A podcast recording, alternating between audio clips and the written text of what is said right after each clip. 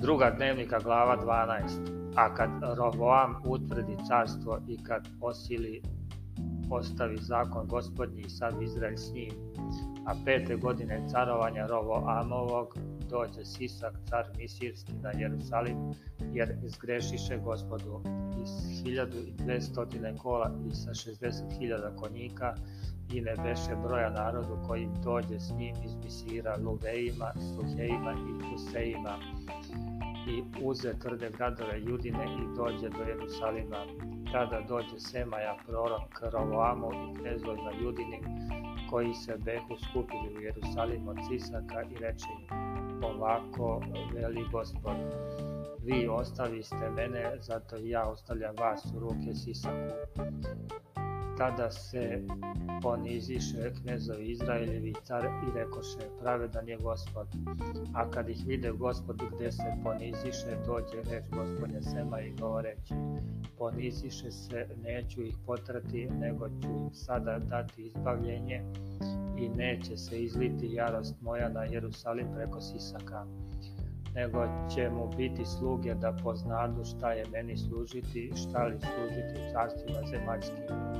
I tako dođe Sisak, car Misirski, u Jerusalim i uze blago doma gospodnjeg i blago doma carevog, sve to uze, uze i štitove zlatne koje veše načinio Solomon i na njihovo mesto načini Rovoam štitove od bronze i predate ih starešinama nad stražarima koji čuvaju vrata doma carevog. I kad iđaše car u dom gospodnji dolažahu stražari došahu ih, a posle ih opet ostavljahu u riznicu stražarsku. Što se dakle ponizi, odvrati se od njega gnev gospodnji i ne zatre ga sasvim, jer još u ljudi beše dobra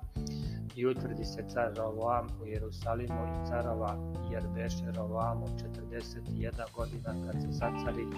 i 70 godina carova u Jerusalimu gradu koji izabra gospod između svih plemena Izraeljevih da onde namesti ime svoje, a materi njegovoj beše ime nama, Amonka. Ali on činjaše zlo, jer ne upravi srca svog da traži gospoda. Ali dela Roboamova, prva i poslednja nisu li zapisano u knjizi proroka Semaje i videoca Ida, gde se kazuju koljena, a i ratovi koji behu jednako među Roboamom i Jerovoamom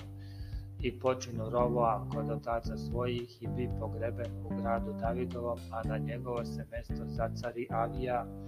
sin njegov.